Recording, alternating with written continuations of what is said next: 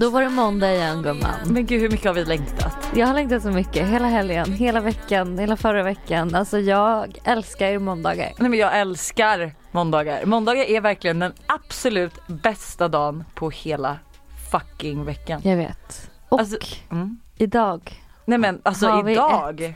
så jävla bra avsnitt framför oss. Jävlar vad vi svär Alltså, nu. Jag är nu- ledsen pappa för det. Han har ju sagt att vi måste sluta svära, vilket vi verkligen ska. Ja, ja, men ja. helvete! Vad bra det är. För att nu känner jag att nu är det dags att ta ansvar för sitt välmående, sitt liv. Liksom. Det är, fan, du kan göra så mycket själv. Ja. Helt själv. Bara du vågar och liksom ta de här stegen. Men och snälla, du är ansvarig för din egen lycka Ja. och idag ska vi verkligen gå igenom er egen lycka. Vi ska Mm. bara skala av alla lager och gå in i er själva och verkligen bara, ja att så här, det är så bra avsnitt. Ja, vet. Vi välkomnar in Åsa.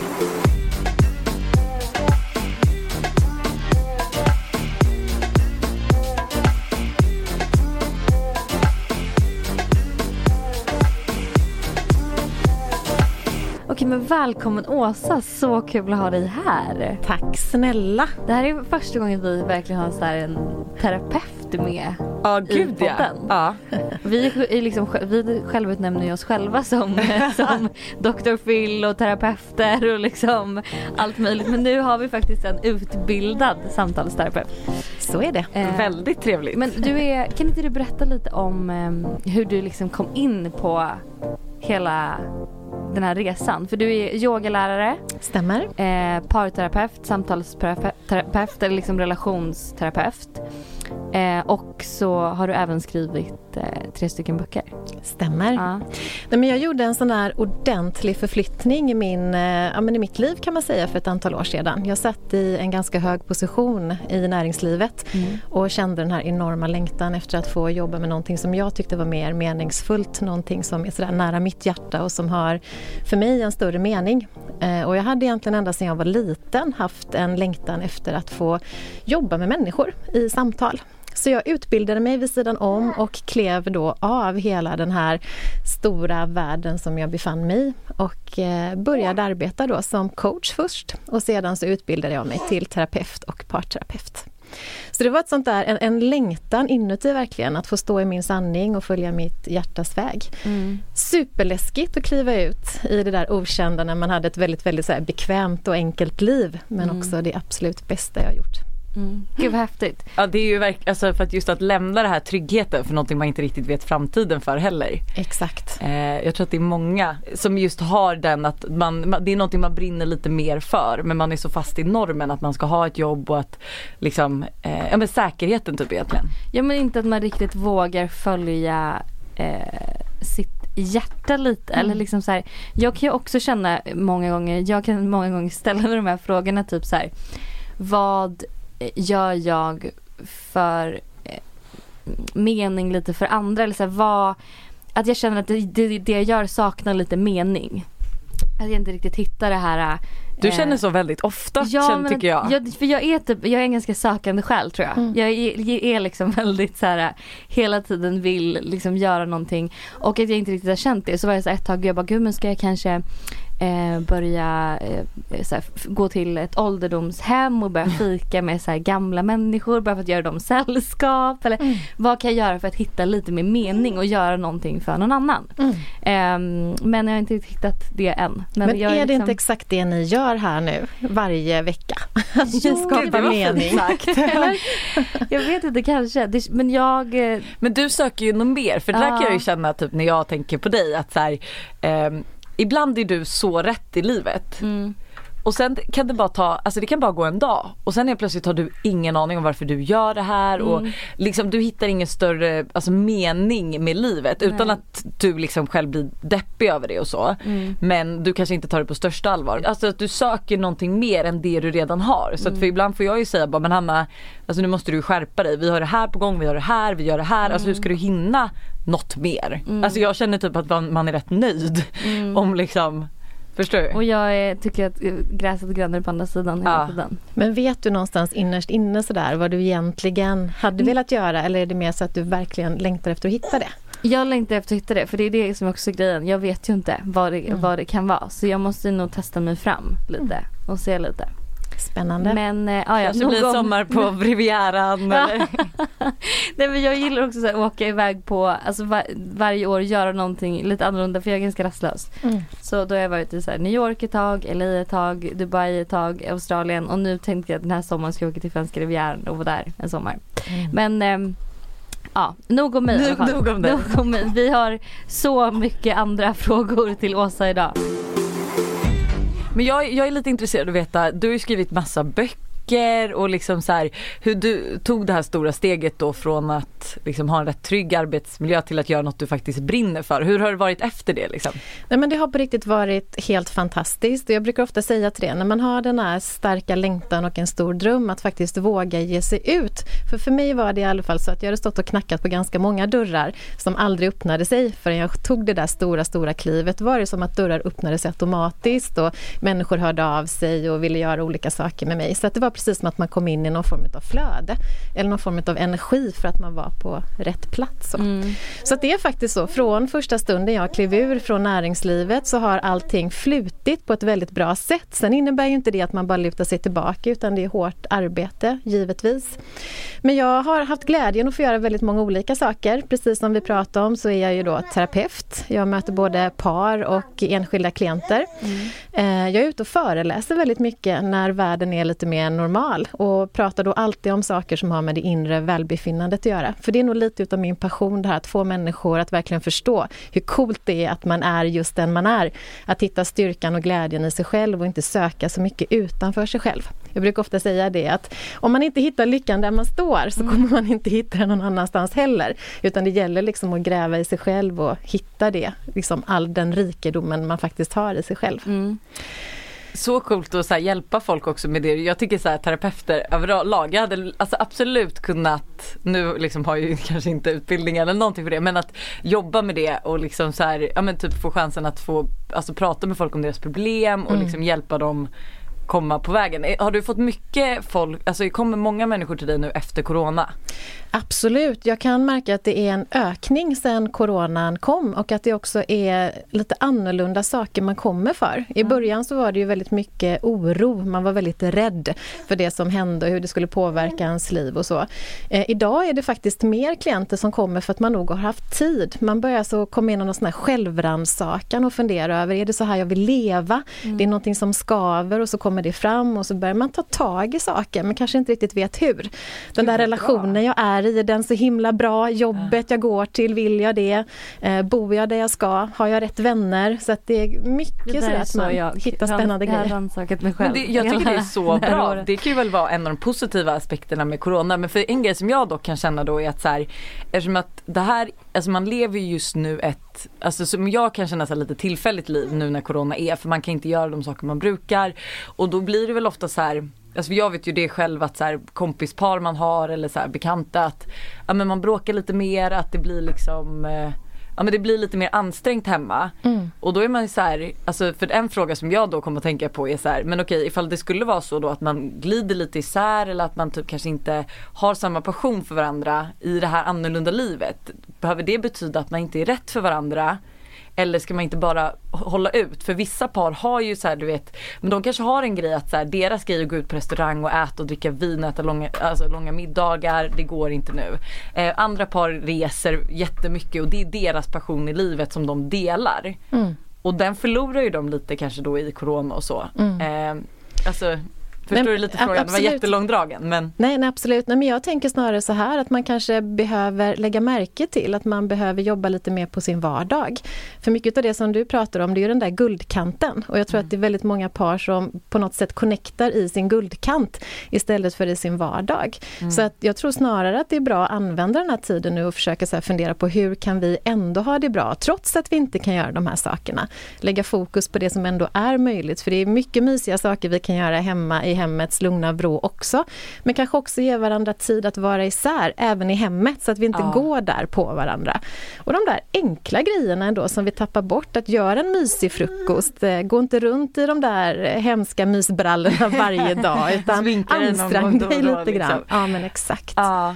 Ja för det, men det är väl lite som spåret vi är inne på, alltså varför vi också startade Måndagsvibe är ju lite så här make Mondays great again. Att, Mm. så, här, att så många lever för helgen medan vi egentligen lever för veckorna. Alltså Mm. helgen är ju en bonus men Mm. att veckodagarna är bra. Mm. Och det är kanske lite det spåret man inte får tappa bort utan man ska mer gå in i det att göra vardagen mysig igen trots liksom alla restriktioner och liksom hur, hur det ser ut just nu.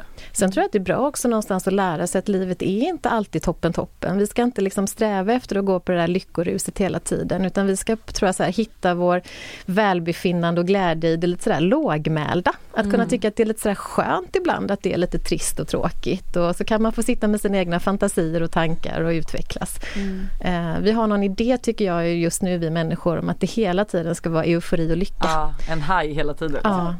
Och då blir vi inte lyckliga. Det är i alla Nej. fall min tes. Nej.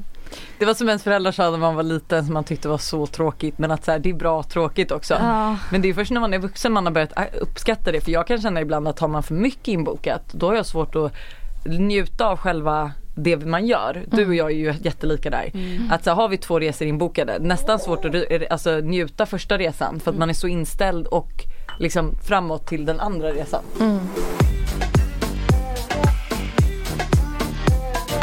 Ni har ställt så mycket bra frågor till Åsa och jag vill höra alla svaren och lära mig allt till våra kommande Dr. Phil sessions. Liksom. Hur blir man av med duktig flicka-syndromet? Så att man värderar sig själv efter sin prestation. Det där är nog en av de vanligaste frågorna jag får och kanske också det vanligaste som kommer in i terapirummet. Eh, vi människor idag är otroligt prestationsinriktade och strävar efter att vara duktiga och lyckade hela tiden. Men i grund och botten så handlar det här vanligtvis om en ganska låg självkänsla. Så att det man behöver jobba på när man är väldigt prestationsinriktad det är att lära sig att tycka bättre om sig själv som man är utan alla de här ja, men sakerna som man gör och utför. Eh, och det är väldigt viktigt. Självkänslan är färskvara. Det behöver vi jobba med egentligen varje dag för att stärka oss själva. Att vad vi än gör så har vi ett värde. För är man väldigt prestationsinriktad så brukar det vara så att man sätter sitt värde utifrån det man gör. Och vad är nu en gång för alla skillnaden på självkänsla och självförtroende? Jag brukar till och med säga att vi har tre stycken delar. Vi har självbild också och den missar vi ganska ofta. Självbilden ligger i botten av allting. Det är så som vi ser på oss själva, det vi har blivit präglade in i genom vårt liv egentligen. Någon har sagt någonting till oss någon gång och så har vi fått eh, ja, men en tanke om att vi är blyga till exempel. Eh, och så har vi det som ett epitet. Det kan vara att någon har sagt att du kan inte ha på dig linne för du har så fladdriga armar och så har man en självbild om att man har fladdriga armar. Det ligger i botten av alltihopa. Sen har vi självkänslan, den handlar om sitt värde, att man förstår att man är värdefull så som man är. Eh, man tycker om sig själv helt enkelt, är trygg i sig själv. Och självförtroendet handlar om att man litar på sin förmåga att klara av saker. Så att generellt sett kan man säga sådär att om man har ett gott självförtroende och man står inför en situation så har man en inställning att det här kommer jag säkert klara av. Har man en god, gott själv, eh, eller god självkänsla så kan man i samma situation tänka att det spelar ingen roll om det går bra eller dåligt för jag är fortfarande värdefull. Eh, Så att det är därför det är så viktigt att ha en god självkänsla för det är värdet som påverkas. Men okej, bara i en situation då där man har bra självförtroende men dålig självkänsla. Mm. Hur, skulle, hur pratar ens hjärna med en då? Liksom? Det är då man ofta blir det här eh, perfektionist. Man, eh, man strävar efter att man måste vara bäst på allting. Eh, För mig är det ganska tydligt, en person som har ett väldigt starkt självförtroende har ganska ofta en ganska låg självkänsla för då kompenserar man det på sådant sätt. Man blir bäst på någonting för då riskerar man ju inte att, att få en, ett, ett, ett sämre värde. Står du etta på prispallen så är det ingen som säger att du är dålig. Ah. Gud, då har jag bra självkänsla. Tror jag. Ja, För att jag bryr mig inte jättemycket. Om, alltså så här, jag bryr mig verkligen inte om jag skulle Jag är säga bäst att på du något. har bra självförtroende. också. Jag har ju dåligt självförtroende och bra självkänsla. Nej, vänta du är en prestationsprinsessa. Mm, Men jag, jag bryr mig absolut inte om tävlingar och sånt. Men det är en annan Eller grej. så Alltså här så här, jag bara- älskar ju att tävla. Jag tror lite inte heller på mig själv i situationer. Jag, tror, jag har ju svårt att säga att jag, skulle, att jag klarar av grejer. Men jag ser att jag klarar av grejer men jag tror inte att jag blir påverkad om jag inte klarar av det. Ja, Alltså det är vet inte så typ att så här, men vi säger när vi tävlar i burpees och du slår mig. Det är inte så att jag mår dåligt utan då tycker jag ju så här, ja jag kanske hade en dålig dag typ. Och det här behöver ju inte ens vara relaterat till tävling egentligen utan det kan vara så att ni två går in i ett sammanhang Eh, och om vi säger att en av er har god självkänsla, den andra har det inte, så kommer ni gå in i det här sammanhanget och när ni går ut därifrån så kan ni ha haft exakt samma upplevelse, men den som har en god självkänsla kommer inte ha blivit värderad i hur man har varit under den kvällen. Okay. Den som har en låg självkänsla mm. kommer gå därifrån och kanske så börja fundera på, men eh, pratade inte hon eh, lite sådär konstigt med mig och gick hon inte undan lite snabbt och det där ögonbrynet som höjdes, undrar vad det handlade om. Mm. Eh, och så kopplar man allting till sig själv. Mm, okay. Ja men exakt, jag har bra självkänsla och dåligt självförtroende skulle jag säga. Eller dåligt självförtroende men mindre bra självförtroende. Jag kommer vara så äcklad, jag kommer säga att jag tror jag är bra på båda. Skönt! Ja men det, det, tror jag att du har ja, faktiskt. Mm. Det känns så. Um, Ingen självinsikt heller. Jättebra Men så svaret är väl egentligen, ja. är man väldigt prestationsinriktad, jobba på din självkänsla. Mm. Det är mm. mitt absolut eh, finaste råd. Mm. Och hur ska man jobba på självbilden? Den tyckte jag var lite intressant för det är ju mm. också så här eh, det kan jag tycka är väldigt, väldigt intressant att så man själv ser sig, mm. det är ju inte så någon annan uppfattar dig. Nej. Eh, det kan jag typ själv tycka är lite jobbigt. Mm. För att jag är så här, men jag uppfattar ju mig så här och så blir man lite, får lite panik att någon uppfattar på något annat sätt eller att så här, någon ser någonting som inte jag ser. Mm. Eh, men hur ska man jobba på Alltså för det kan ju vara som du säger att det kan ju vara något som hänt när man är tre år. Liksom. Precis. Någon som sagt du är blyg och då fortsätter man vara det. Och det som är så sorgligt med det, det är att en person som då har bestämt sig för att man är blyg kanske egentligen bara är en person som har ganska mycket integritet som behöver lite tid. Men som kommer gå in i situationer där man kommer då avstå från att göra saker därför att man har fått en bild av sig själv att man är blyg. Fast mm. man kanske egentligen bara behöver ha lite längre tid innan man är bekväm. Mm. Men hur man jobbar med det, om man tittar, om man tittar på det liksom mer attributen på det yttre så är ett sätt att, att beskriva sig själv för någon annan. Det vill säga att om, om du Hanna, om det är första gången jag skulle träffa dig, jag har aldrig någonsin mött dig och så säger jag till dig sådär, du jag ska träffa en tjej som heter Hanna eh, i ett rum med över tusen personer. Hur ska jag veta att jag går rätt till fram, fram till rätt person? Och så får du beskriva dig så som du vill beskriva dig så att jag ska kunna hitta dig i rummet. Längd, utseende, vad du vanligtvis har för kläder, om du står i centrum av rummet och pratar med människor, om du står i ett hörn och tittar på människor. Eh, och så kanske jag frågar sen, okej okay, men hur vet jag att det är du då? När vi börjar prata, vad är det du kommer prata om? Kommer du starta ett samtal eller kommer du vara mer avvaktande? Eh, vilka ämnen kommer du välja att prata om? Och så vidare. Här någonstans så börjar vi få en sån här yttre bild av den du är. Sen finns det andra frågor man kan ställa sig själv som är ganska spännande och det här kan man göra som lyssnare nu också. Då kan man fundera på eh, att avsluta den här meningen. Jag är en person som alltid och så kan man sen fundera på, jag är en person som aldrig. Och det skulle kunna vara så här, jag är en person som alltid säger ja. Mm. Eller, jag är en person som aldrig skulle ställa mig och prata inför en större folksamling. Här någonstans börjar du så forma in din självbild. Mm. Gud hörni, ta upp eh, anteckningsblocket nu och pennan och skriv mm. ner allt det här tycker jag. Så här, mm. Självbild, självkänsla, självförtroende, alla de här frågorna. Mm. Det här är jätteintressant. Visst är det? Det är ja, spännande. Det här blir som en liten terapitimme för alla vibbare. Mm, ja, gud, det här är så kul. Men det som är coolt sen, när man har hittat sin självbild så kan man ju då förändra den. Och det är mm. väl det som är det absolut viktigaste. Om jag kommer i kontakt med så, nej men jag har fått för mig att jag har fladdriga överarmar, därför har jag aldrig på mig någonting som är armlöst. Då får jag börja utmana mig med det. Då får jag börja gå i kläder som är armlösa för att se att människor faktiskt inte faller omkull av chock när jag kommer gående, utan att det faktiskt funkar. Det, jag har bra överarmar, det är lugnt. Mm. Så får man börja utmana utmana sig i de här delarna så att man så här, sätter nya spår i sin hårddisk. Ja.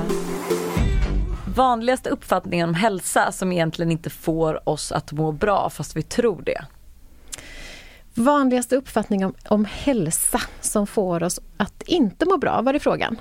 Ja exakt, alltså typ att så här, ja men det här, jag antar, jag antar att hon menar liksom så att eh, träning mm. ska få oss och min hälsa att må bra fast det gör inte det. Mm. Eh, men där kanske, där kanske är svaret på frågan att det är ju så individuellt. Det finns ingenting som räcker till för alla. Liksom. Exakt, jag tror att, det, att du är precis rätt på. Det därför jag kan bli ganska bekymrad över alla de här idealen vi lever efter och alla mm. de här goda råden och tipsen vi följer. Därför att vi är unika. Det du äter kanske är jättebra för dig och väldigt hälsosamt. För mig kan det istället vara ohälsosamt. Eh, den träningen du gör är säkert perfekt för din kropp men om jag skulle träna i det så kanske jag skulle slita ut mig.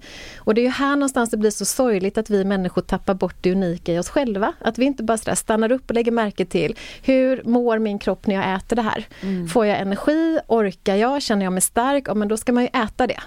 Eh, likadant med träning. Om du känner att din kropp mår bra av den träningen, fortsätt. Annars gör någonting annat. Du har ju hela svaret i dig själv.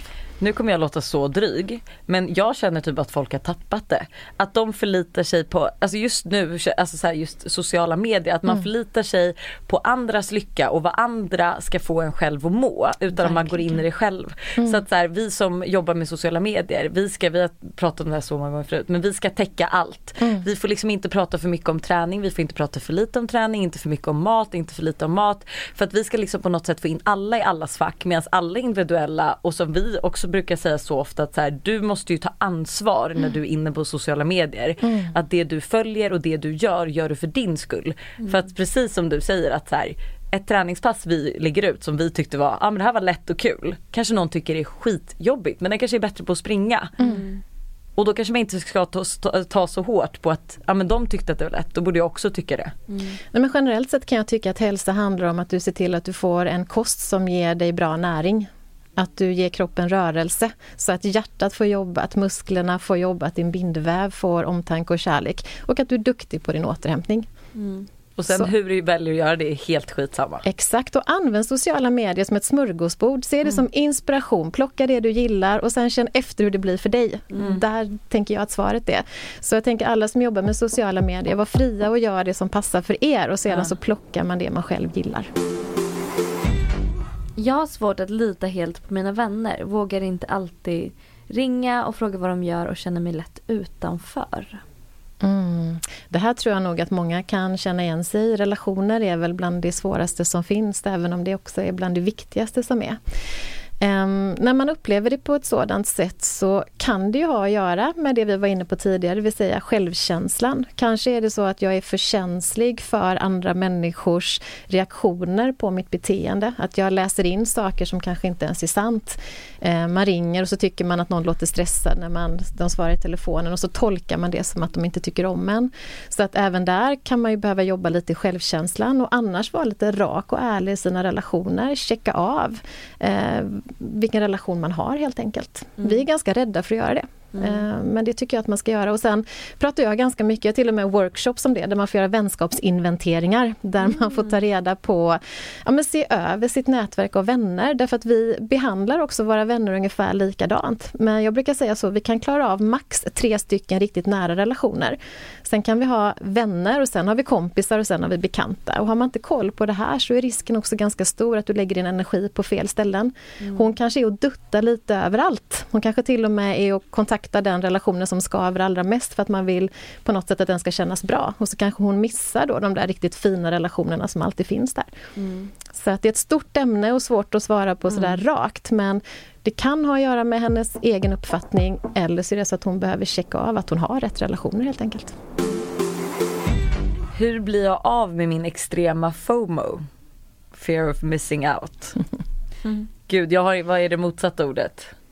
Nej, JOMO har jag. Vad är det? Vad är det? Joy of missing out. en fredagkväll när man sitter i soffan och äter sin med normale och alla är ute och man bara känner JOMO. JOMO.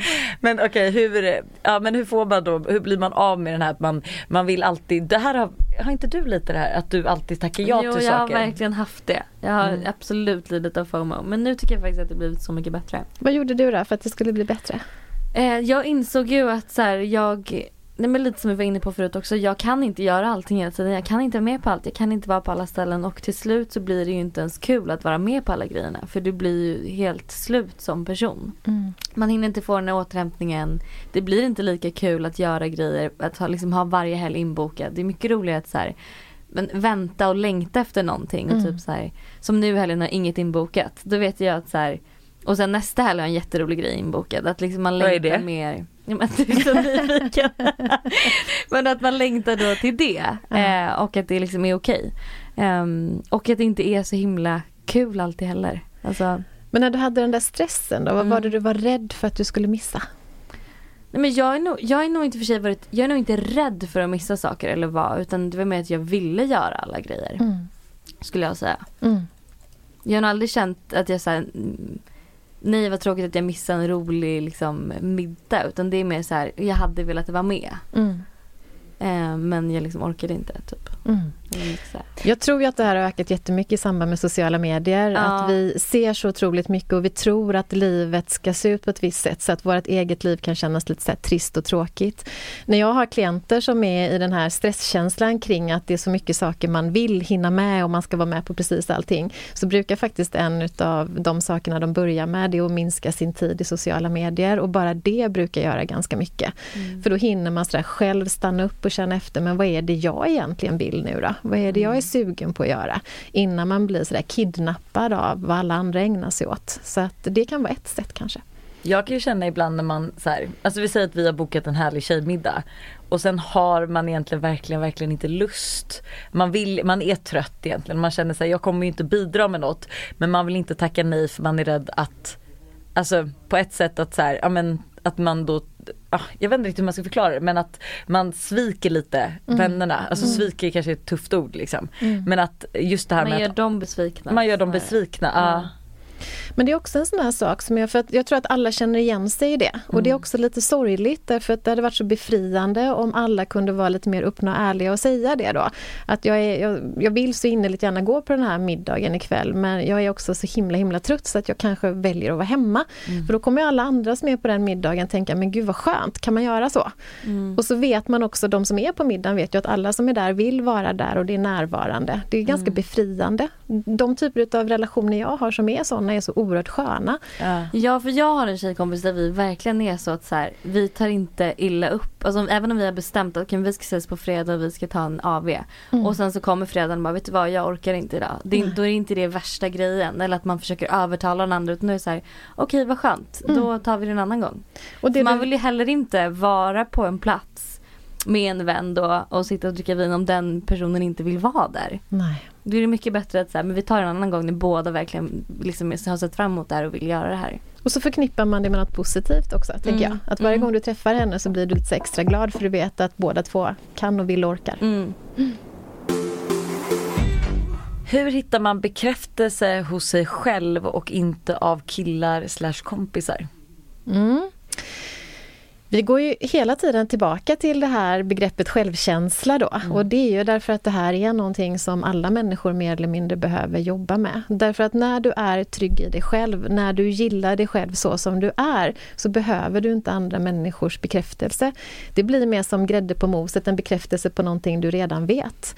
Ehm, Så är man väldigt så bekräftelsesökande så är det också en indikation på att man behöver betrygga sig i sig själv. Eh, jobba med mycket självkärlek, mycket självrespekt, eh, göra härliga saker för sig själv och eh, jobba i sin självkänsla helt enkelt. Jag tror att det där, alltså, för det vet jag ju själv att man har haft tjejkompisar som har sökt Mm. just där och det har liksom varit lite av ett, alltså inte Alltså det har mer blivit ett självskadebeteende för de har inte mått bra efteråt för den där bekräftelsen är ju så kortvarig liksom. Mm. Så det är ju typ egentligen, ja men som du säger, så här, jobba mer med dig själv istället för att söka den hos andra. Ja, för det som alla människor ändå i grund och botten längtar efter det är att vara sedd och älskad för den man är. Och om man hela tiden lägger på yttre attribut och tror att det är det som är viktigt så kommer du till slut bli ganska sårad och besviken. Och lite också att man är, ans- att man är lite ansvarig för sitt, sin egen lycka eller sitt eget mående på något sätt. Att så här, 100%. Verkligen. det är ju en själv som Du kan inte lägga det på att Nej, eh, på ki- alltså annan. den snygga killen som du kan må låg med ska få dig att Nej. må bra efteråt för det Nej. kommer du ju inte göra heller.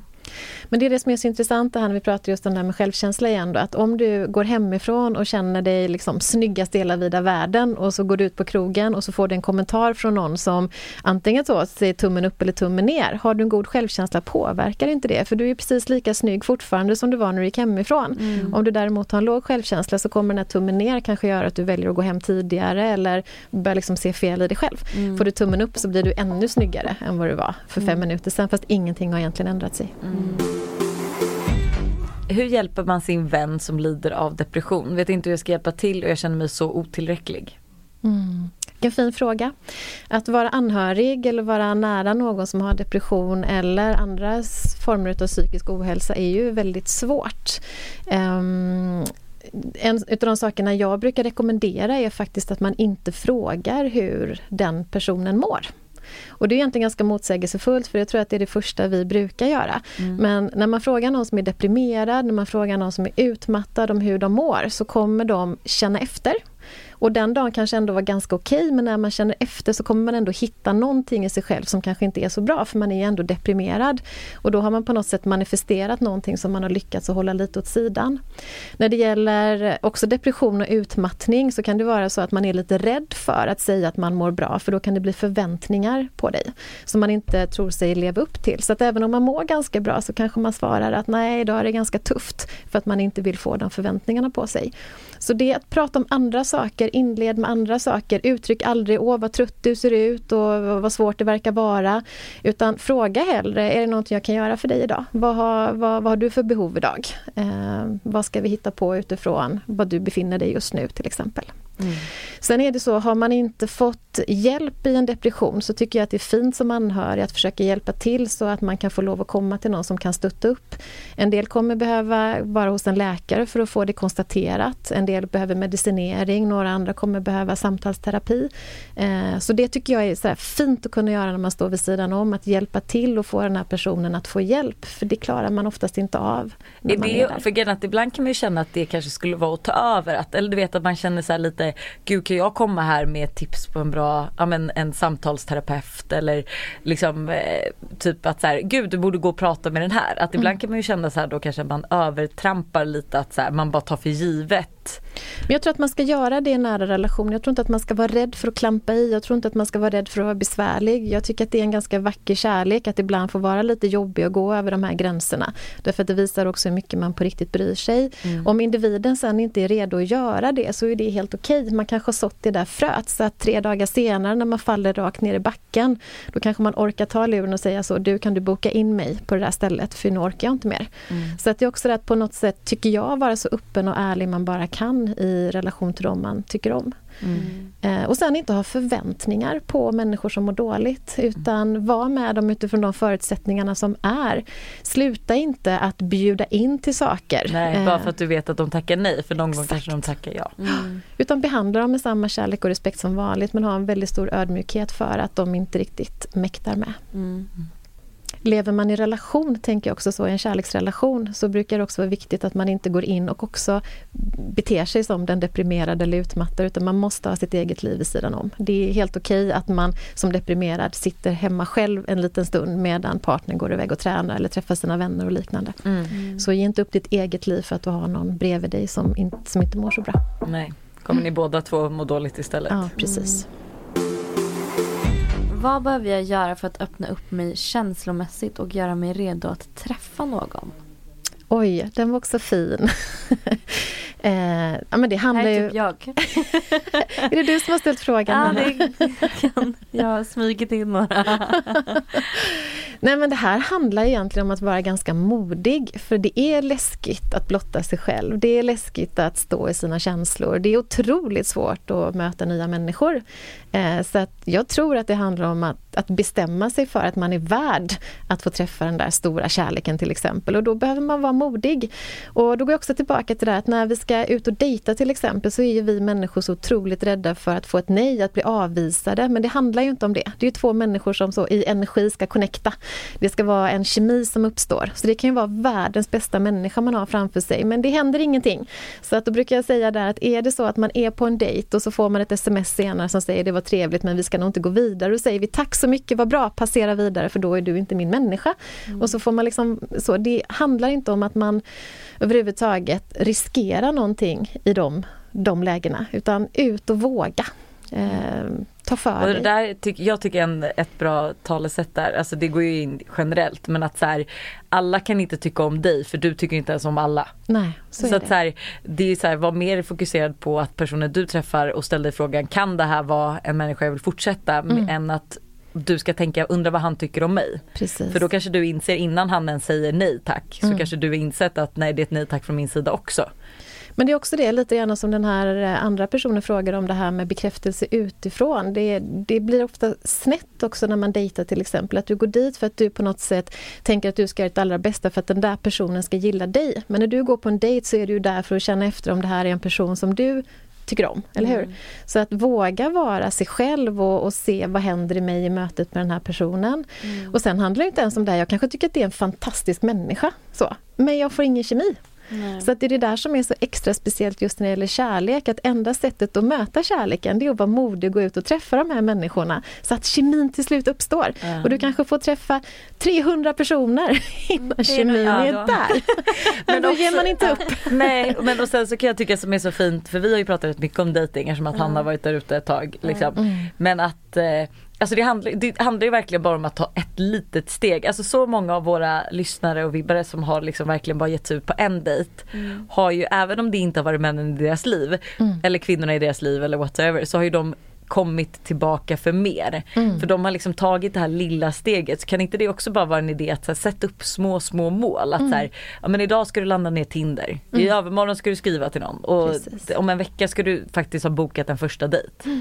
Men det är lite som, det finns ju en um, livscoach som heter Johannes Hansen som jag eh, har också så här, lyssnat mycket på och läst böcker och så. Mm. Och eh, han säger alltid att mod är en muskel Mm. också. Så Mm. att så här, mod är någonting som du behöver Träna. träna. Exakt. Och du, som jag då kanske, för jag dejtade ganska mycket i höstas men nu har jag inte gjort det på ett tag. Så nu känns det lite läskigt igen Mm. att gå på en dejt. Men det är för att Mm. jag inte har något, liksom, eh, gjort det Mm. på ett tag nu. Så det är någonting med hela tiden måste upprätthålla med det här modet Mm. att göra grejer. Mm. Ehm, Och sen man tror jag också man bara- behöver förstå att, att rä, alltså rädsla är motsats till kärlek. Man tror ju ofta att hat är motsatsen till kärlek, men det är rädsla. Mm. Så det är också sådär spännande att går du in i en situation och du blir lite rädd så Mm. har du bara två sätt som du agerar på. Antingen så flyr du eller så går du in och liksom börjar fightas. Mm. Eh, och det är också väldigt vanligt kan man se just i kärlek och vid dating och så att man kanske träffas lite grann och så börjar man känna lite. Och det är kanske det hon eller han är ute efter den här frågan och nu börjar känna lite hur vågar jag stanna kvar? Mm. Och är det så att man får en tendens att man tänker så här, nej jag kliver av eh, eller jag börjar dejta massa andra för det är ju mer så att jag går till attack då, det är den andra delen. Då kanske det är just där man ska stanna kvar istället och bli medveten om att okej, jag är lite rädd här nu. Det innebär att den här personen jag har framför mig viktig. Mm.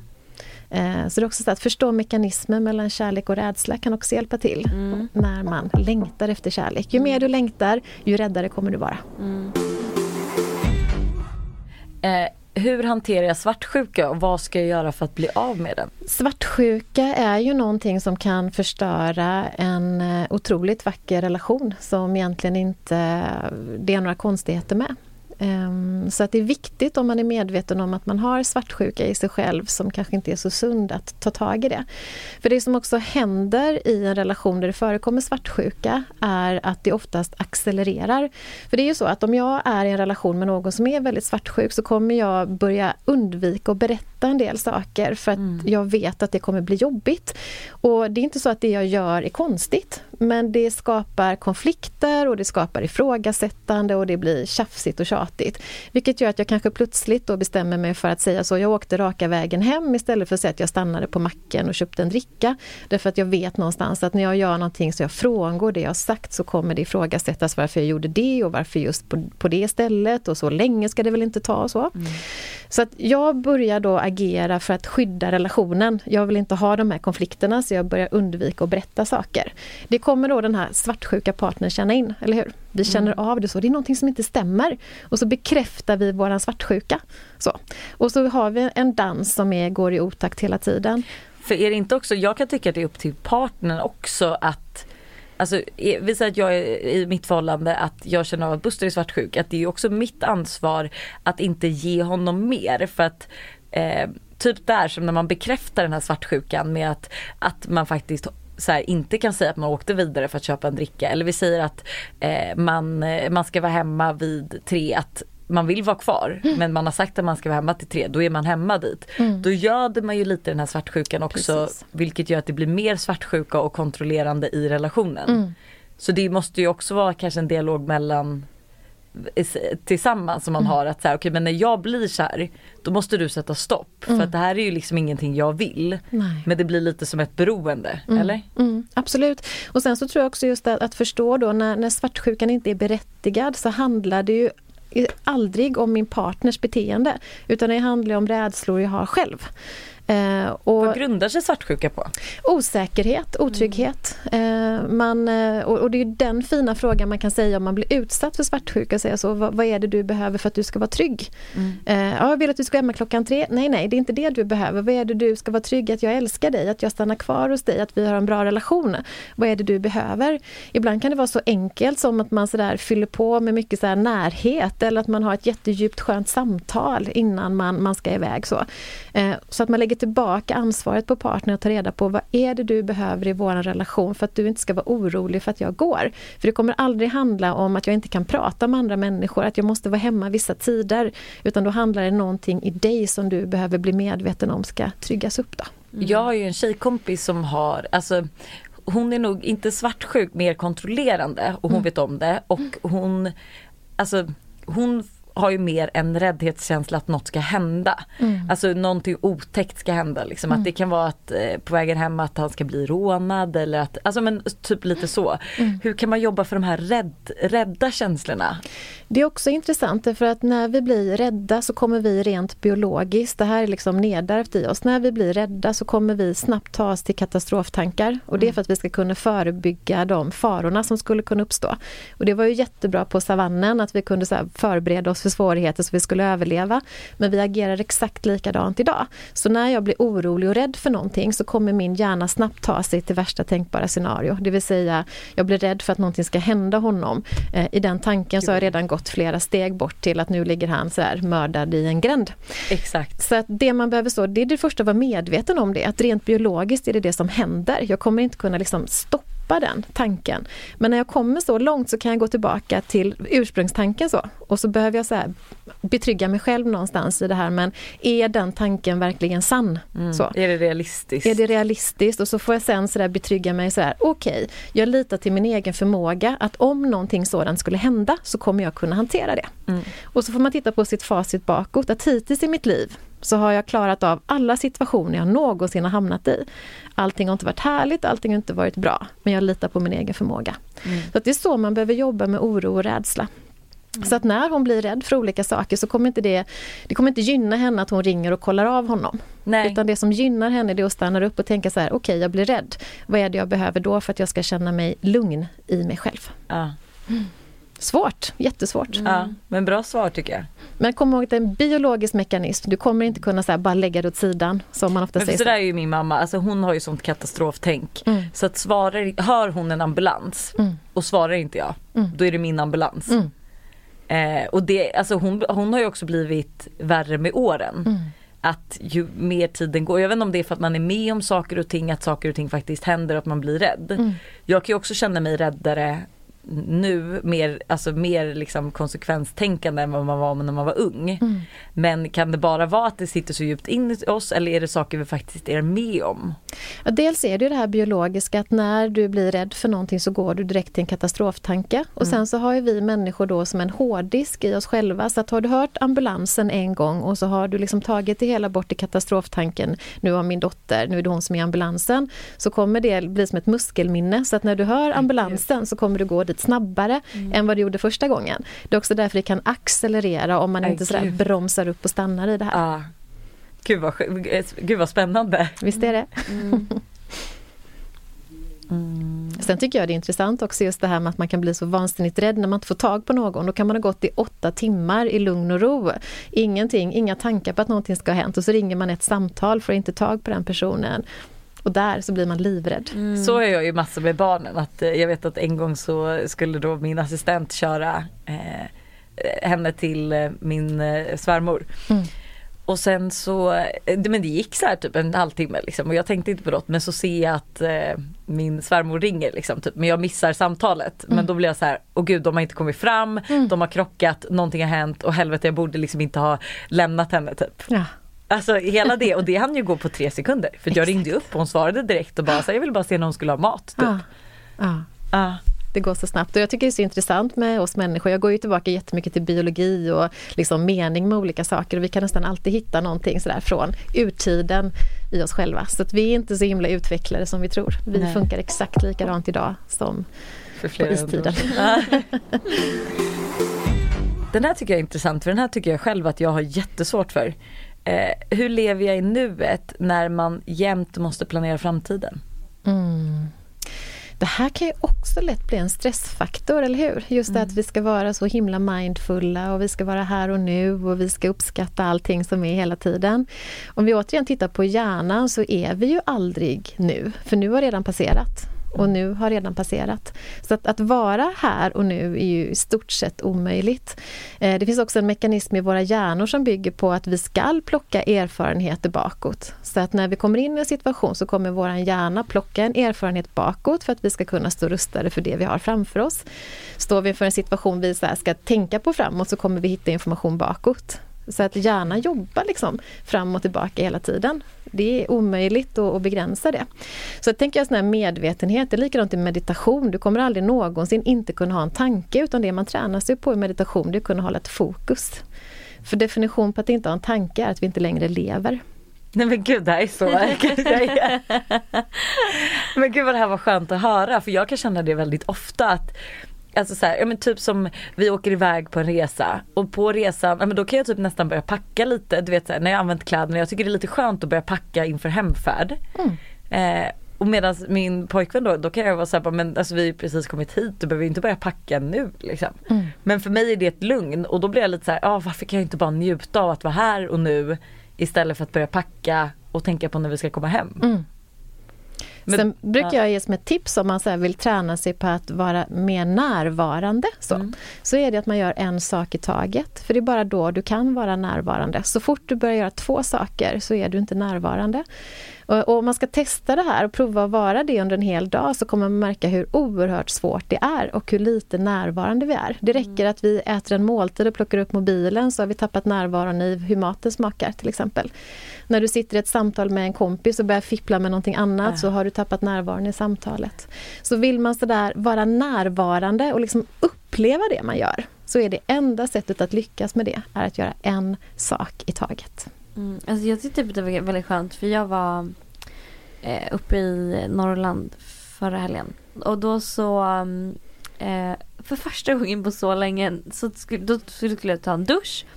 Och så stod jag där i duschen och bara gud jag behöver inte så stressa inför någonting eller duscha fort eller liksom göra det här i något tempo. Jag har ingen tid att passa.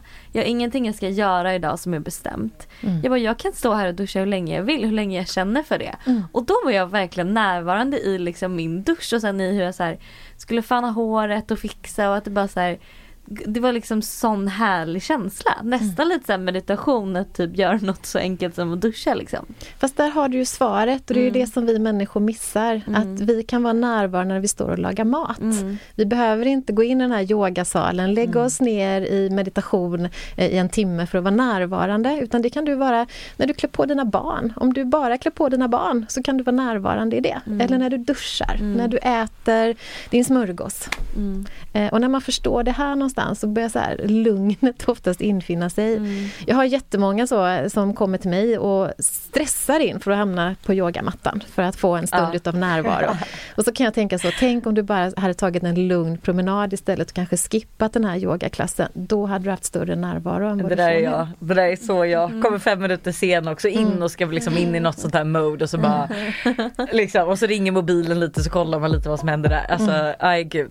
Det är därför jag också inte heller går på yoga längre. Eh, hur hittar jag mina mål? Är motiverad till livet men har inga mål eller drömmar? Mm.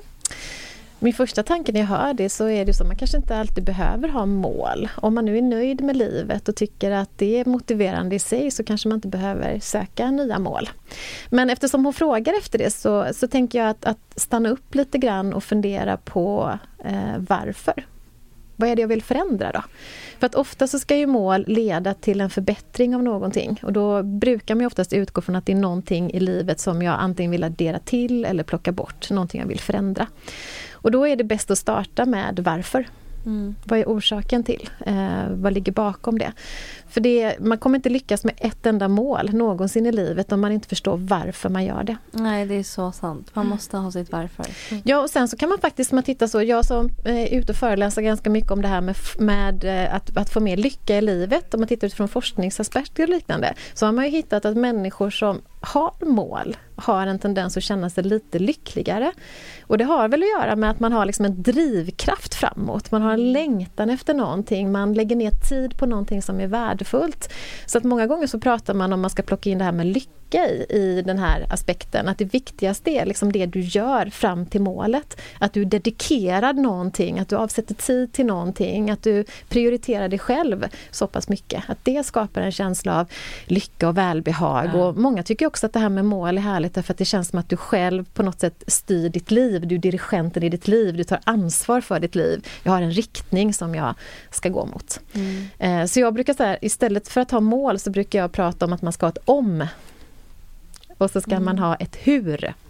Därför att när vi sätter det här målet så kan det också vara så att vi sätter ett mål och så har vi fokus på till exempel, eh, ja men säg att jag har bestämt mig för att jag vill bli mamma, kanske så. Jag har ingen relation, det finns ingenting som jag vill bli mamma, det är mitt mål. Och sedan så kanske jag inte träffar någon. Eh, och då tänker jag så, nej men då får jag skippa det här målet, jag får byta ut och göra någonting annat. Men om man har ett om så, så är det mer sådär att, att man aldrig någonsin ifrågasätter det här omet. Om jag ska bli mamma, det ifrågasätter jag inte utan det sätter jag stenhårt. Sen kan det finnas olika sätt hur jag tar mig dit. Mm. Så att omet manifesterar man, huret kan vara då, nej jag träffar inte någon, okej hur gör jag då? Nej men då får jag ta reda på hur jag kan bli mamma på egen hand. Och så kanske man provar, okej okay, jag provar insemination, funkar inte, hur gör jag då? Mm. Och så fortsätter man fram tills dess att man, man blir mamma, för det ifrågasätter vi aldrig. Och jag tycker att det är ett mycket starkare sätt att jobba än att sätta ett mål på att jag ska springa till exempel milen på uh. under en timme till exempel. Det är ganska ointressant utan då ska man ju mer bestämma sig för att jag ska kunna springa en mil. Uh. Om jag ska springa en mil, hur ska jag gå tillväga? Exakt. Gud vad, alltså det är så vettigt sätt. Mm. Det blir mycket ja. roligare också. Ja. Och så på något sätt så blir det, vi, vi misslyckas ju aldrig utan frågan är hela mm. tiden sådär, det blev inte som jag tänkte mig, hur gör jag nu? Mm. För det som du sa att så här, man kan bli, att det är en studie på att man blir lyckligare med mål, det var lite det jag tänkte liksom att mm. så här, okay, men blir man verkligen det om inte målen bara blir en massa måsten? Nej. Alltså lite så att så här, då, då är det ju helt onödigt om du bara känner dig stressad och inte får någon ro av mm. att faktiskt komma till målen. För det ska ju också vara en resa i sig. Att inte bara när du uppnått målet utan under tiden du tar dig dit. Liksom. Ja. Och var noga med om man nu väljer att sätta mål att, att man förstår då varför och att man också är medveten om att det behöver finnas lite sumsmån kring ett mål. Jag har jättemånga klienter som till exempel kommer till mig för att man vill springa eh, ett lopp till exempel eller man vill gå ner i vikt eller man vill gå upp i vikt och så sätter man en siffra på någonting. Och så kanske du hamnar 0,5 därifrån och så har du misslyckats. Mm. Så. Fast du har ju lyckats, herregud du har gjort hela den här resan, du sprang inte ett steg från början. Nu springer du en mil och du sprang, du sprang på en timme och en minut. Det är ju skitbra, nej då räknas inte det. Därför att jag skulle springa en mil på en timme. Mm. Så att också vara medveten om hur mycket det påverkar vår känsla av välbefinnande när vi sätter den typen av mål för oss. Mm. Eh, hur kom jag över ett ex som lämnade mig för någon han träffade bakom min rygg? Oj. Mm. Det där är ju absolut inte enkelt. Um, jag tror att det är ganska avgörande då på, på sättet man har blivit lämnad. Har det varit så att någon har gått på grund av att man träffat någon så kommer ju det såret vara större. Absolut så. Nej men jag, jag dels är det, här, det, här, det tråkiga svaret på det, det är ju att tid läker. Eh, så är det. Eh, det är mer kanske då eh, kloka svaret på det, det är ju att det handlar väldigt mycket om att återigen jobba med sig själv, att jobba med sitt värde, att förstå att det handlar inte om mig, utan det är andra omständigheter som gör att man hamnar i en sån situation. Ehm, men jag förstår att det inte är enkelt. Jag har inte något sånt där universellt svar som bygger på gör så här så blir du lycklig, utan det handlar om att ge sig själv tid att sörja Eh, mm. Tillåta sig att vara ledsen, besviken, det blev inte som jag hade tänkt mig.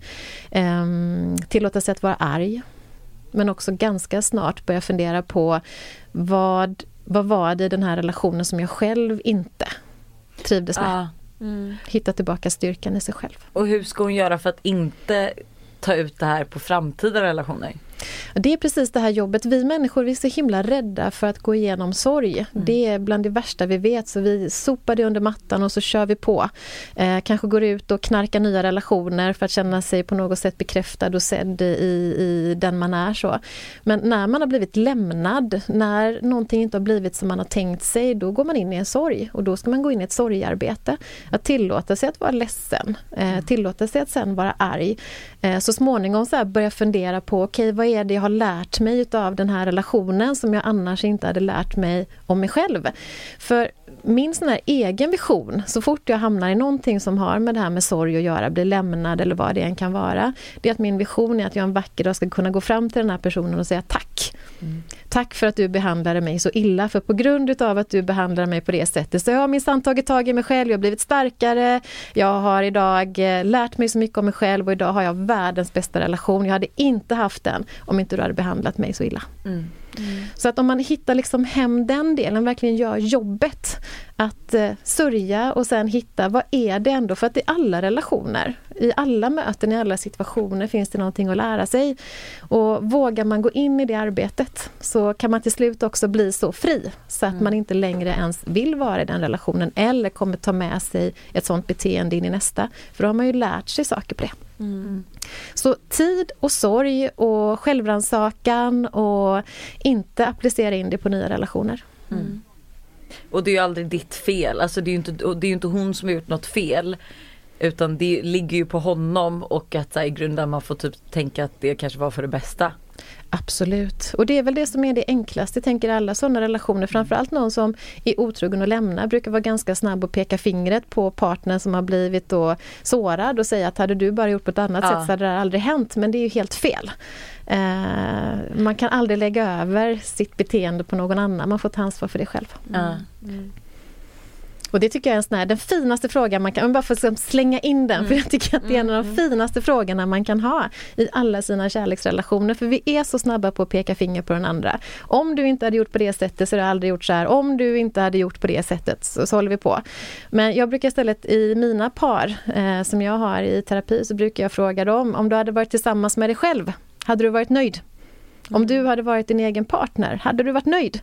I den här situationen så som du beter dig, hade du uppskattat det? Om svaret är ja, toppen. Om svaret är nej, hmm, då har du lite att jobba på. Mm. Och det tycker jag är en sån stark fråga som vi kan ställa oss i alla våra relationer, för vi är så himla snabba på att lägga det utanför oss själva. Men det vi ska jobba på, det är att göra egna insättningar. Det vi ska titta på är vårt eget beteende, för det är det enda vi kan påverka. Och kan det inte också vara så här, som typ i en relation, för jag vet till exempel det med mig och Buster, att vi, alltså vi, jag tycker vi har det väldigt bra. Mm. Eh, han är väldigt bra på att ta initiativ till till exempel sex. Mm. Det är jag värdelös på. Mm. Skulle det vara upp till mig skulle vi aldrig ha det. Mm. Men samtidigt så är jag ju bra på att plocka och städa. Mm. Ändå så vill vi förvänta oss av varandra att han vill, han vill ändå förvänta sig att jag ska ta initiativ och jag förväntar mig att han ska gå ut med soporna och plocka och städa. Mm. Eh, så det blir också ett så här, men kan man inte bara acceptera det faktum också att då att man kanske lyfter varandra i de stunderna att så här, okej okay, men man får klaga lite då och då men att så här, fine man vet om att så här, det jag gör gör ju vårt förhållande lyckligt och det han gör gör vårt förhållande lyckligt och att man pusslar ihop det lite och att det bara får vara så. Absolut, men det skulle ju vara intressant om du ställde dig själv frågan så. Om jag varit tillsammans med mig själv och jag mm. aldrig ja, någonsin jag, fick någon som ja. tog initiativ till sex. Hade jag, jag varit nöjd? Jag ställde ju mig precis den frågan och kände så här, oj jag hade nog inte varit nöjd med mig själv för jag är inte så kärleksfull hemma. Mm. Eh, jag är mer så här, alltså man är inne i något så jag plockar, städar, jobbar. Eh, jag sätter verkligen det här eh, kärleksfulla sist. Mm. För att jag tycker att vi har det bra. Mm. Eh, men då är det just att jag ställde mig frågan och var så här, jag hade inte varit jättenöjd. Liksom. Nej. För det är väldigt intressant för att när vi ställer oss den frågan och kanske hamnar i den känslan du har så mm. kanske man tänker så, fast det hade ju varit viktigt. Det måste ju vara viktigt för min partner också. Mm. Om din partner ställer sig samma fråga så kanske han tänker så, nej men herregud, vårt hem har ju sett ut som kaos. Det hade ju inte jag gillat. Så kanske mm. han börjar plocka lite. Så det är mer en sån här teknik att ta istället för att säga så, jag, jag hade uppskattat om du någon gång kunde tänka dig att gå ut med soporna med lite så irriterad sur röst. Mm. Så kan man så där istället fråga sig själv, eh, hade jag varit nöjd med min insats i den här relationen? Kommer det bara par till dig som verkligen behöver gå i terapi för att fungera? Eller tycker du även par som inte är i behov av det ska boka samtalsterapi för att bygga vidare eller kan det bara skapa nya problem? Nej men jag brukar ofta säga så att jag är så fascinerad över att det är så få människor som går i parterapi. För mm. vi är så otroligt duktiga på att serva bilen, vi går till frisören, vi liksom tar hand om alla de här andra sakerna. Men relationer som är det svåraste som finns, det tänker vi att det ordnar sig eller det löser ja. vi själva. Så att min varmaste rekommendation till alla par är att unna sig parterapi. Mm. Och jag blir sådär glad för det är ganska många unga människor som kommer till mig som är i början av en relation och har det riktigt, riktigt bra.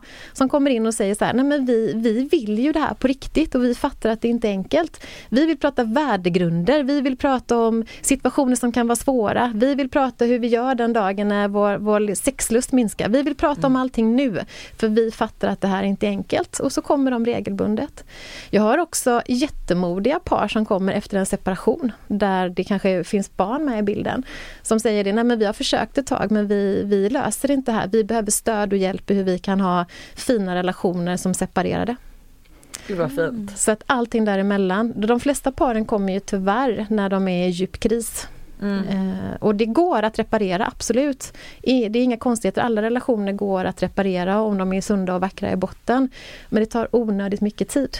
Mm. Så, så då är det snarare better be eh, nu är det du och Buster som bokar in Ja men jag tycker, jag tror inte att han hade haft något emot det här heller. Jag tror, vi har inte pratat om det för att som jag säger att vi har egentligen inget problem och jag brukar säga att så här, eh, jag trodde att vår relation skulle ta mycket mer stryk av till exempel två barn än vad den gjort. Jag mm. trodde att nu att, för att alla sagt att ni kommer vara i skiten nu, ett helvete, man kommer tappa varandra och jag känner ju ändå inte att vi har gjort det. Men det är klart att vi har irritationsmoment som mm. alla par. Vi, brå, vi bråkade ju senast i morse. Alltså snälla jag slängde igen dörren och mm. sa inte ens hej då när jag gick. Och sen mm. ringde vi en kvart senare och allt var bra. Mm. Men jag hade nog tyckt att det var intressant. Men ibland kan jag vara rädd att Eh, alltså typ som på Solsidan, får jag dra den? Men, med Mickan och eh, eh, Fredrik går i parterapi och nu var ju den här parterapeuten då kanske inte jättebra eftersom att han då hade en intention att han ville få hem Mickan liksom. Men att, så här, att det kan skapa problem mm. för att man får ett annat tankesätt att egentligen att det dyker upp problem man inte tidigare haft. Mm. Och det kan jag vara lite så här, för att jobba, vi har det rätt tänker bra. Tänker man inte att de förr eller senare kommer dyka upp ändå då? Nej, men jag, tycker, jag tycker på riktigt att det är jätte, jättefint. Och det är ganska många som får det här i bröllopspresenter ja. och i förlovningspresenter. Oj, och, ja, det är jätte, jättefint. Därför att det man också så, när du är på en bra plats, så, när allting är bra, då är det mycket lättare att så här, prata om teorier som skulle mm. kunna ske. Eller man kan mm. plocka upp en situation som vi sådär lite grann undviker att vara i för att det är ofarligt. Har du dessutom en terapeut i rummet så kommer ju den terapeuten hjälpa till så att ni inte hamnar i situationer som är dåliga. Uh. Så att nej, absolut ingenting att vara rädd för. Men var noga med vilken terapeut man väljer. Det ska kännas bra. Uh. Eh, det är samma sak där. Jag kan höra ibland någon som säger sådär, nej men vi provade det en gång, det var inte våran grej. Och så uh. tänker jag så här, nej men det är som att säga, jag gick på teater en gång och det var inte min grej. Mm. Men varför gå på lite olika för föreställningar innan man hittar sin kanske. Mm. Eh, det finns jättemycket duktiga terapeuter där ute men man ska också känna att man får rätt energi med de personerna, att man får förtroende. Är man ett par så ska båda två trivas också med terapeuten. Mm. Men och det var så bra som du sa med så att man lägger så mycket tid på men, ah bilen och huset och frisören och liksom allting men inte på Minst relationer. tid på relationen. Ah. Vilket är alltså, en av de viktigaste grejerna vi har. Vad, vad hade man varit utan sina relationer? Nej liksom? ingenting. Alltså så här, vad är man också om man plockar bort huset, bilen, allt mm. det här mm. materiella. Mm. Det enda som faktiskt spelar roll är ju relationen mm. till sin partner och sina barn. Mm. Och jag har ju också många som kommer som det kan vara syskon, det kan vara liksom mamma, dotter. Så att det är ju inte bara kärlekspar som kommer också. Och jag tänker också relationen till dig själv. Att sådär mm. unna sig. Jag går ju hellre på en, några timmar terapi än att jag går på några timmar ansiktsbehandling för mm. egen del, därför att det ger mig så himla mycket mer. Mm. Lyssna Buster nu så är det du som bokar. Han fyller väl 30 snart, det är perfekt ja, för dig att ge 30-årspresent. Ja, och sen eh. tror jag också idag är inte det lika så här, för några år sedan var man mer så lite skamfullt tror jag. Idag mm. så är det tvärtom. Jag brukar inleda alla sessioner med mina klienter och säga så att, ja men tystnadsplikt såklart, men så brukar jag säga så om vi möts på stan så kommer inte jag heja på dig först. Om du hejar på mig så hejar jag tillbaka, för mm. man vet ju liksom inte då. Eh, nu för tiden så säger i stort sett alla så, nej nej, men jag vill att du hejar på mig, för jag är stolt över att jag gör det här. Ja. Jag är stolt över att jag har en jag egen terapeut. Det, alltså, ja. Så fort man träffar någon som faktiskt säger att den går till terapi, jag blir ju på riktigt, alltså typ egentligen avundsjuk sjuk. Mm. Alltså jag blir så här, jag bara, jag vill också. Mm. Det är härligt. Ja. Okej vi har en sista fråga kvar. Mm. En lång en. En lång en, äh, inte jättelång men den, ja längre än de andra. När jag träffade min sambo hade han mer än god ekonomi och skötte den felfritt. När vi plussade med vårt första barn hände det något hos honom. Han slutade betala viktiga räkningar och höll detta hemligt för mig. Jag upptäckte det när våran son endast var någon månad gammal och blev förkrossad. Jag förstår inte hur man inte kan tänka på sitt barn i detta beteende. Jag hjälpte till med dessa skulder och betalade av direkt. Pengar finns men problemet är att han inte betalar. Han lovade att det aldrig skulle hända igen men ett halvår senare knackade det på dörren när jag är hemma själv. Och då står en man från Kronofogden med nya skulder. Samma visa upprepas. Vid barn nummer två hände samma sak för fjärde gången. Det är som att något slår mig i magen gång på gång. Vad ska jag göra? Mm. Det här låter ju som att hennes man i grund och botten inte mår så bra. Mm.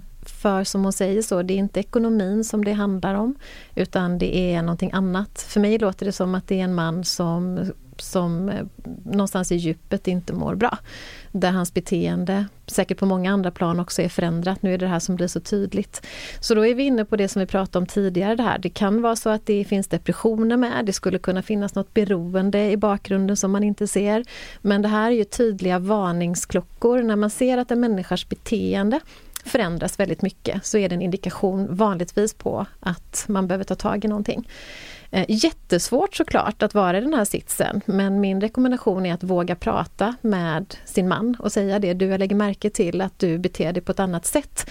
Eh, jag förstår också att det handlar inte om ekonomi utan det är någonting annat. Berätta för mig hur du egentligen mår och hur vi kan hjälpa dig. Ja men exakt för det är ju någonting som är jobbigt alltså, just eftersom att pengarna finns. Mm.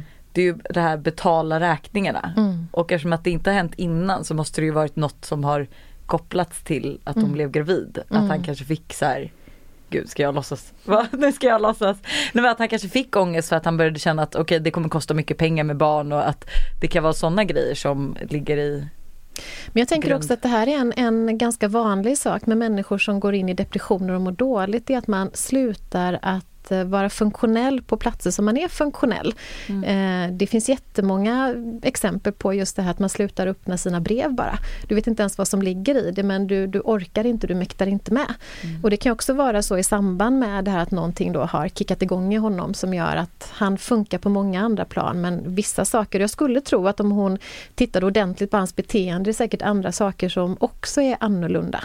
Eh, För mig låter det som att det är en man som på något sätt inte mår bra. Om det är någon form av depression eller om det är någonting annat som ligger bakom. Det är svårt att säga när man inte har träffat honom. Nej, klart. Men eh, hjälp honom att få hjälp. Gud, Jag tycker det här har varit ett så himla intressant avsnitt. Ja alltså nej men verkligen. Jag har verkligen bara lyssnat. Ja, ja gud, jag, och jag har frågat allt. jag har dragit in kompisars problem och mina problem. Och, ja. Men alltså verkligen jätteintressant. Det var verkligen det, det var mycket vettiga grejer jag kommer fram till tycker jag. Mm. Som inte man själv hade koll på. Som man själv tycker, man tycker att så här, man har koll på läget. Mm. Men vart hittar man dig nu då Åsa? Eh, Ja, eh, Instagram är väl kanske det enklaste sättet att hänga med mig. Där Mm. försöker jag också vara ganska aktiv för hela mitt jobb går ju ut egentligen på att möta människor och även Instagram är en viktig plats. Eh, och där kan man också känna att man alltid kan skriva till mig. Man kan skriva det, man kan mejla, jag svarar alltid på allting. Eh, så det är en sån här tror jag, bra kanal att kliva in på. Mm. Sen finns jag ju på min hemsida och min mottagning har jag i Göteborg. mm. Eh, även om jag numera också tar emot digitalt i Mm. dessa tider. Det är Mm. många både utomlands och runt om i Sverige som jag har hos mig. Mm. Så Instagram kanske är enklast. Mm. Och där heter du Asa Nyvall. Vi lägger också in det på vår Instagram såklart. Får jag bara fråga nu, för nu dök det upp en till fråga då. Men, eh, men digital terapi, alltså får man ändå samma connection? För jag kan känna så att det blir väldigt platt med en skärm. Men det Mm. kanske liksom, Jag är helt enig med dig. Jag, fram tills dess att pandemin slog in så tog inte jag någon digitalt. nej. Utan jag tycker att det var viktigt att man var i rummet för det är så mycket man läser in i ett rum som man missar digitalt. Eh, men eftersom eh, pandemin kom, eh, dels var det väldigt många runt om i Sverige som blev väldigt oroliga som behövde stöttning så då gick jag in och hjälpte till eh, telefonledes och via digitala steg då. Och då tänker jag att då är det bättre än ingenting alls för de som verkligen så vill prata just med mig mig. Mm. Och sen har det också varit ett sätt nu att, att säkerställa att de kan hålla kvar sina processer. Jag kanske har haft en klient som har gått hos mig ett år och så blir man jätterädd för att lämna hemmet eh, men vill fortsätta sin process och då kan vi ändå fortsätta i mm, den. Även om det inte är lika nära. Men eh, absolut, absolut starkast i ett personligt möte men det funkar digitalt. Mm. Okej, Kul. men gud vad härligt. Tack så jättemycket för att du gästade oss. Ja, men och tack jag tror själva. våra lyssnare är så glada med. De ja, men gud. Ja. Om inte de är glada så är i alla fall jag glad. Så eh, glöm inte att kolla in vår Instagram då för att kunna följa Åsa och ja. Eh, så hörs vi nästa vecka, eller vi hörs på fredag till och med. Ja. Mm. Ha det. Sorry,